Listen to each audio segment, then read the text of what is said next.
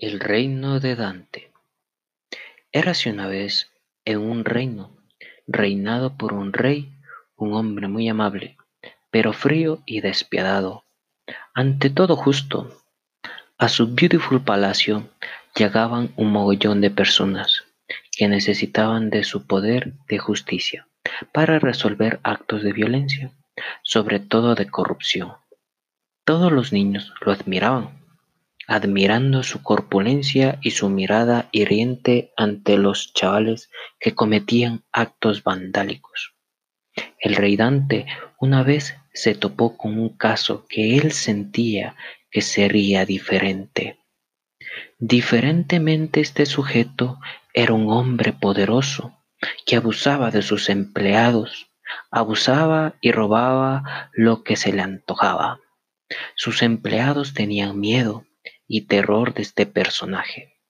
El rey Dante le miró a la cara, con desprecio, al temible corrupto. Este a su vez estaba nervioso y quiso escapar de inmediato. El rey Dante miró a sus guardias para que bloquearan la puerta grande principal, evitar que éste pueda salir al exterior.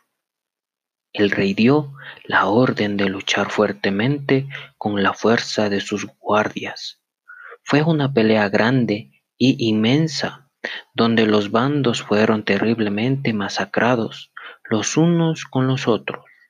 Al final mataron a este sujeto deplorable, donde él con su último aliento decía que hombres como él no debían existir para que la corrupción pueda existir.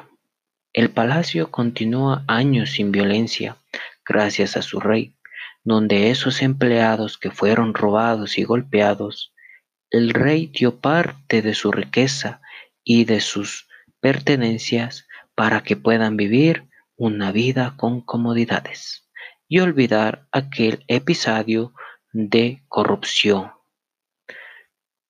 donde todos vivieron muy felices en el reino de Dante.